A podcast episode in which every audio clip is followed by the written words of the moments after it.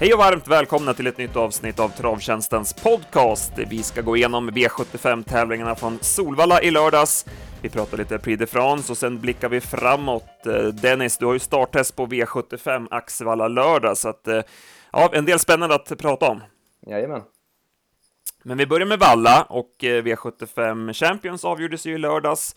Det var en bana som var besvärlig, speciellt innerspåret visade sig vara tungt. Spetsvinnarna var lätträknade. Ja, på V75 var det väl i alla fall bara en och den väntade till, till sist, så att det kommer vi ju till. Det gör vi. Eh, V75s första avdelning. Här trodde vi en del på Exit Angå, eh, som dock inte värmde som bäst. Eh, man valde att lägga på boots till loppet och då funkade det ju bättre och han gjorde en bra insats. Han fick ett tungt lopp men höll starkt. Mm.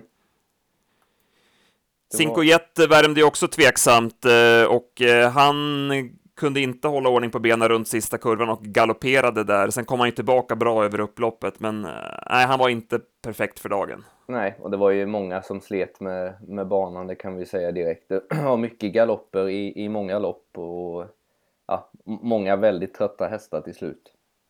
Lite svårvärderade prestationer och hur man ska tackla dem framöver, hästarna. Ja. Segern gick till Lightning Sky och han gjorde ett bra lopp. Eh, Johan Untersteiner lämnade ingenting åt slumpen utan skickade på i fjärde spår när Sahara Sandstorm började tröttna framför och sen höll han undan snyggt Lightning Sky för Jero Boko över upploppet. Ja, de gick ju väldigt bra till slut bägge två och det var ju, det var ju en bit ner till Exit Angå som var trea. Eh, så det var en eh, bra inledning för oss. Vi hade med honom eh, så att, till låg procent. Sen i V75 2 så blev det ju jämspelat mellan Elle Fitzgerald och Queen of Sand. Vi var ju lite tveksamma till Queen of Sand, även om hon vann senast så var ju inte det det rätta formintrycket. Så att vi var lite skeptiska till henne och på slutspelet valde vi att ta ställning och spika Elle Fitzgerald. Hon värmde ju mycket bättre den här gången jämfört med senast. Nu har hon fått några veckor till hos Nurmos och eh, man hörde från skötaren och inför rapporten att hon skulle vara bättre nu och det var hon också. Eh, nu hade vi fel i spets och hon kunde inte hålla upp ledningen, men sen avgjorde hon eh, snyggt från dödens. Ja, det kanske var tur den här gången att hon inte kunde hålla upp ledning utan fick ta dödens istället. För det var nog bättre att gå där som det, som det såg ut. Ja, det var ju det. det vi såg som vi sa i början där, att de, de stannade ju från spets många. Så att det, eh, det blev ju taktiklopp, så att man ska väl inte blåsa upp insatsen allt för mycket, men eh, hon var rejäl i alla fall. Hevin Boko spurtade starkt som tvåa. Eh, höll knappt undan för unrestricted. Jag hade 11 och 9 sista varvet på unrestricted, så att hon gick ju riktigt bra. Mm. Hevin Boko gick väl en ja, låg 12 sista varvet. Då. Ja, det var lite tapptrav på Hevin Boko där till slut som Jorma fick rädda, men det var ju säkerligen banan där också som, som ställde till. Så att, eh, det var en bra start för oss på slutspelet, eh, att vi fick med skrällen i första och sen spik då på El Fitzgerald. Sen i eh, lärlingsloppet så, ja, det här blev stökigt. Ta, ta oss igenom loppet Dennis. Oj, ja det, det vet jag inte om jag, om jag kan ta, ta hela. Det hände mycket, det var väldigt hård, hård körning till att börja med och det, det gynnade ju den som senare vann då, Richie Ås som satt eh, nästan längst bak och jätteskrällen Deepak Am som var, som var tvåa. Mm. Ja, vi trodde en del på Elstein och han tog ledningen som vi hade hoppats på. Eh, sen körde dock Henna Halme mycket offensivt med skrällen Medallion och tryckte sig till ledningen och eh, körde sedan i spets. Så att det blev fel för Elstein i, i loppet då. Mm. Eh, sen gick ju Elegant Frost på där 1700 kvar, fick ju mm. sent svar av ja, Åsens Aragon. Så det var lite positionsbyten där mitt i loppet också. Ja, och en, det, var ju, det blev ju tuff körning där en bit när, när Preben styrde på med elegant frost och sen då som du sa fick svar där. Så det gick ju undan en bit där då, så att de, de blev ju lite stumma till slut, de som var med i det. Mm. Och sen Saragon tyckte vi var brutalt överspelad han stannade ju totalt också till slut, så att, men där var det någonting som inte var rätt. Mm. Elegant Frost såg ju stark ut och tog över ledningen där, men helt plötsligt fick han klubban och stannade på två steg. Ja, och det såg man i flera lopp att det tog, slut liksom för, för dem på, på en kort bit. Från att de såg ut att vara med och göra upp om det så var det bara helt tomt. Ritchios, eh, det var ju bra rapporter från Erik Adilsson på honom och och eh, det visade sig rätt också. Han eh, avgjorde enkelt, även om det blev bra kört åt honom. Ja. Vi går vidare då till V75s fjärde avdelning. Det vart ju jämspelat här mellan Belfax och Järvsö-Odin. Vi trodde mest på Järvsö-Odin utav dessa två. Belfax kunde ju köra sig till ledningen som väntat, men han är ju knepig och galopperade omotiverat varvet kvar. Då hade Järvsö-Odin anslutit utvändigt, så att då såg det bra ut för Järvsö-Odin i det läget. Men eh, han var inte riktigt i ordning för dagen. Han, eh, han var ju svettig och travade inte som bäst och att, eh, han var tidigt slagen ändå. Ja. sen blev det istället Aragon som var, han var väldigt bra rankad måste man säga. Som, han var i tre, tredje rank för oss, så att det var ju väldigt bra. Ja, det var ju han som vi tyckte var spännande bakom favoriterna. Han har ju gått bra och var ju jättefin eh, senast med ett eh, nytt huvudlag och nu skiftade man ju även vagn på honom och eh, tog, det var väl Kajans, den här Finnbiken som, som han gick med för första gången. Mm. Jag vet inte hur mycket effekt det gav. Det känns väl som, som loppet blev kört så hade han väl troligtvis vunnit även med en vanlig sulky. Ja, och så är det väl inte, just på när det är så här hyfsat tungsprunget så är ju inte biken liksom det, det är inte då den ger som bäst effekt om man säger så. Nej, exakt. Och det löste sig ju perfekt för honom, turligt får man säga. De galopperade ut till höger och vänster där ja, på sista långsidan. Så fjärde, fjärde invändigt och Sesam öppnade. Det är inte så ofta man hör det, men så var det den här gången. Mm. Han, han, tog andra raka i alla fall, hästen, och eh, var bra. Ja. Sen får vi plussa för Erik Adielsson som körde felfritt med Vilda Fille. Det är ja. inte det lättaste. Nej, och Kim Eriksson kör väl inte så ofta kallblod, men han var en bit fram med, med Monster Monsun. Det var väl också rätt så bra gjort, både felfritt och långt framme mot bra hästar. Mm. Så att så var det kring det hela. Eh, det vart ju lite eftersnack där angående Aragon, att eh, man inte hade anmält någon vagn på honom. Det är ju det är ju inte obligatoriskt att göra det. Nej. Så att eh, så länge det inte är det så kan man ju liksom inte hänga dem som inte anmäler, utan man ska väl snarare plussa för dem som faktiskt tar sig tid och anmäler vagn. Ja, och så finns det väl än så länge lite, det är väl lite halvtaskigt eh, kring vad, vad, vad som är vad. Vad är bike och vad är svensk bike och vad är amerikansk bike och ja. Det känns mm. inte riktigt som att det är helt satt vad som är vad, som är vad så att säga. Du och jag pratade i en podd, det var väl säkert några månader sedan nu, eh, att man gärna skulle vilja hitta någon form av centralt system på det hela, att man kan anmäla vagn samtidigt som man anmäler balans. Det hade ju varit det optimala. Mm. Det är, det är obligatoriskt. Och att man kanske kunde göra, som pratade vi om då, att man borde ha det på sitt... Eh, ja men på travsport borde det vara på ens inlogg liksom, att man kan lägga in där att ja, men nu har jag anmält Tyson B på lördag, han ska ha norsk och bike. Liksom. Det, det, det, skulle jag, det vet jag redan nu. Det finns ju inget som ändrar på det under veckan. Det är klart att man ibland ändrar sig, men ofta har man ju koll väldigt tidigt vad det är som gäller. Så är det. Eh, V75 femte avdelning då. Här blev ju Wind of Victory ruskigt stor favorit hon bara skenade på sträckan eh, under veckan. Mm. Ja, det kändes väl lite... Det blev 58 procent innan det var färdigt. Ja, ja, det är brutalt. Alltså klart att hon hade högst vinstchans i loppet av det man hade sett och så, men det var väl att spelarna hade svårt att hitta spik i, den här omgången. Mm. Då landade många på henne, trots att det var en fyraårsmär på, på resa och, och sådär. Jo, men det blir ju gärna så i ett sånt stökigt eh stökigt eh, storlopp att va, va, antingen så får man ta nästan alla eller så får man välja en och då är det många som tar, tar favoriten för att komma ifrån loppet så att säga. Mm. Ja, fem år är hon. Jag, ja. var lite kryd, kryddning där, men ja. orutinerad häst i alla fall. Hon har inte gjort så många starter och, och sådär, så att det var ju lite ovana eh, förutsättningar för henne. Eh, men nu var hon ju inte alls bra. Eh, Björn, vi pratade om det, att man inte ville köra på innerspår, och det såg man verkligen här med Björn, han lät uh, Lutetia-skrällen där sitta i spets, och han mm. satte sig bara nöjd utvändigt. Sen var han ju tvungen att köra till ledningen när Johan kom fram med Bear Victory, så att um, de var ju tvungna att köra till spets. Men, oh. men hon stannade ju helt i slut.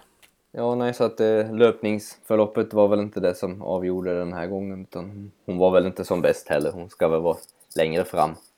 Mm.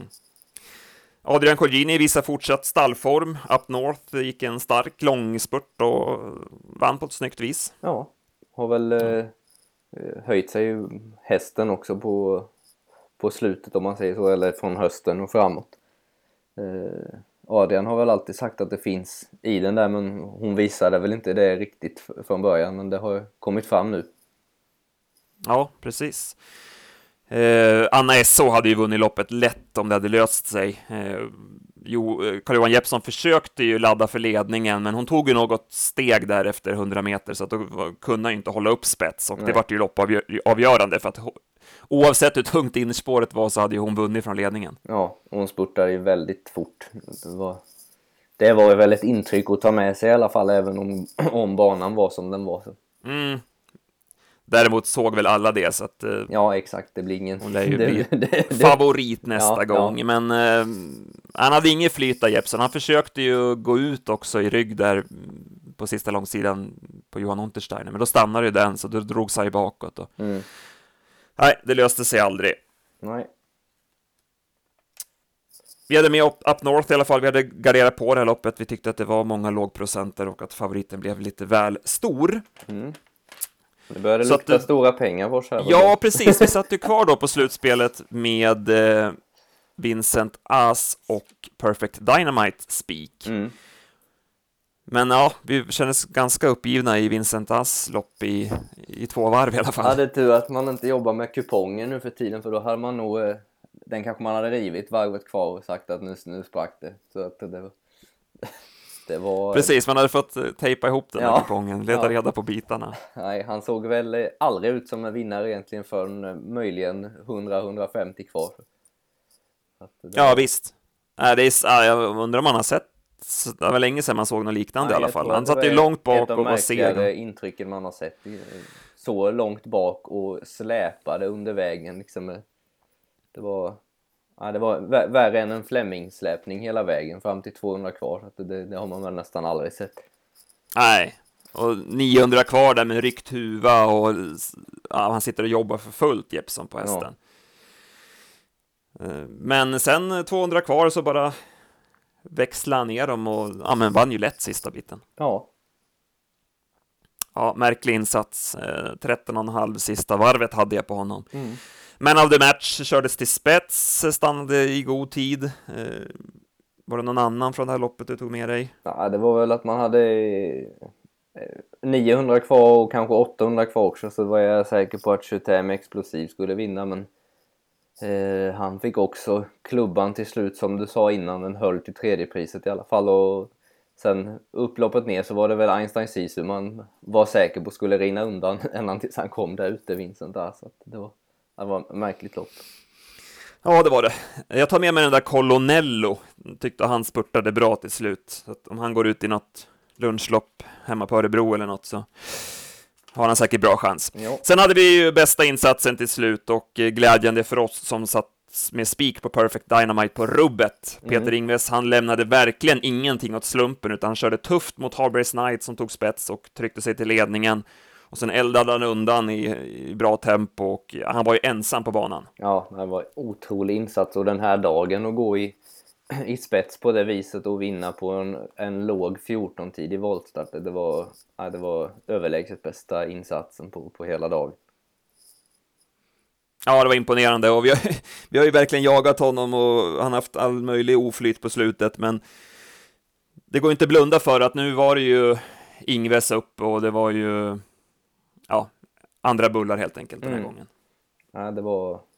Jag hörde det var någon reporter som frågade Ingves har du, du har ju sett de andra loppen, såg du inte hur trötta de blev i spets? Och så här, men han sa jo, jo, men jag, jag visste hur bra den här hästen var så jag tänkte han pallar nog för det och det, jag hade ju rätt, sa han. Och mm. Ingves hade väl också, det var väl hans första seger i år, han hade 0 på 55 innan så att han var, han ville nog gärna ha den här. Ja, det var tydligt, tydligt ja. det. Ja. Mycket bra insats. Bra av Malkin också som eh, gjorde ett starkt lopp bakom och eh, Hanna Forslin har gjort ett kanonjobb med, med honom. Ja, verkligen och det kommer ju en häst som kommer från bra, bra regi och haft lite skadebekymmer och sådär och få tillbaka i så här pass bra skick. Det, ja, det är bra gjort. Ja. Ja, om vi summerar det hela då, så blev det ju som sagt eh, lyckat för oss. Vi fick sju rätt på slutspelet, både på det matematiska förslaget och på det reducerade förslaget. Dessutom hade vi ju då dagens dubbel och, och sådär, så att totalnettot landade på 1,2 miljoner knappt. Mm. Så att det, det, var ju riktigt kul. Ja, väldigt bra lördag. Så det, var, det var roligt. Och det var, man blev lite, fick lite puls när han eh, tryckte hårt för spets med, med Perfect Dynamite och tänkte att nu nu kan det bli stumt här, men det var aldrig nära att bli stumt ens. Nej, nej han såg klar ut hela vägen. Ja. Så att, sådana spikar gillar man. Jajamän. Det var värre med Vincent As. Den, var, den kändes inte så klar när det var varvet kvar. Men... Nej, nej den, det, var, det var en del eh, spännande grejer att ta med sig. Ja. Vi lämnar Solvalla då Mm. Eh, I övrigt från helgen så avgjordes ju Prix de France och eh, Readly Express visade att han tillhör en av världens bästa hästar och eh, ja, han vann ju lekande lätt. Ja, nej, han höll ju ut Bold Eagle från början och nu fanns det ingen tanke från Björn att han skulle släppa i alla fall utan det var 06 första fem och sen så de la sig ju faktiskt på ett led lite grann. Alla Bashis hästar gjorde ju bort sig så att det var det blev lite märkligt lopp på det viset och jag tror att Bold Eagle hade väl fjärde invändigt och blev sen då tvungen att gå ut men eh, ja, Readley öppnade 06 första fem och avslutade med 07 sista fem och då är det inte lätt att ta någonting och han vann ju åkandes. Med mm. sitt nya huvudlag. Just det, Blinkers huvudlaget där. Ja, det, det såg ju...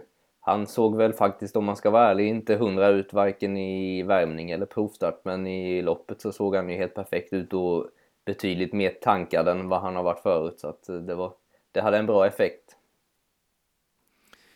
Ja, verkligen. Ehm, ja, veckan som kommer då. Vi har ju V86 på onsdag som vanligt. Det är en spelform ni vet att vi gillar, Solvalla Bergsåker.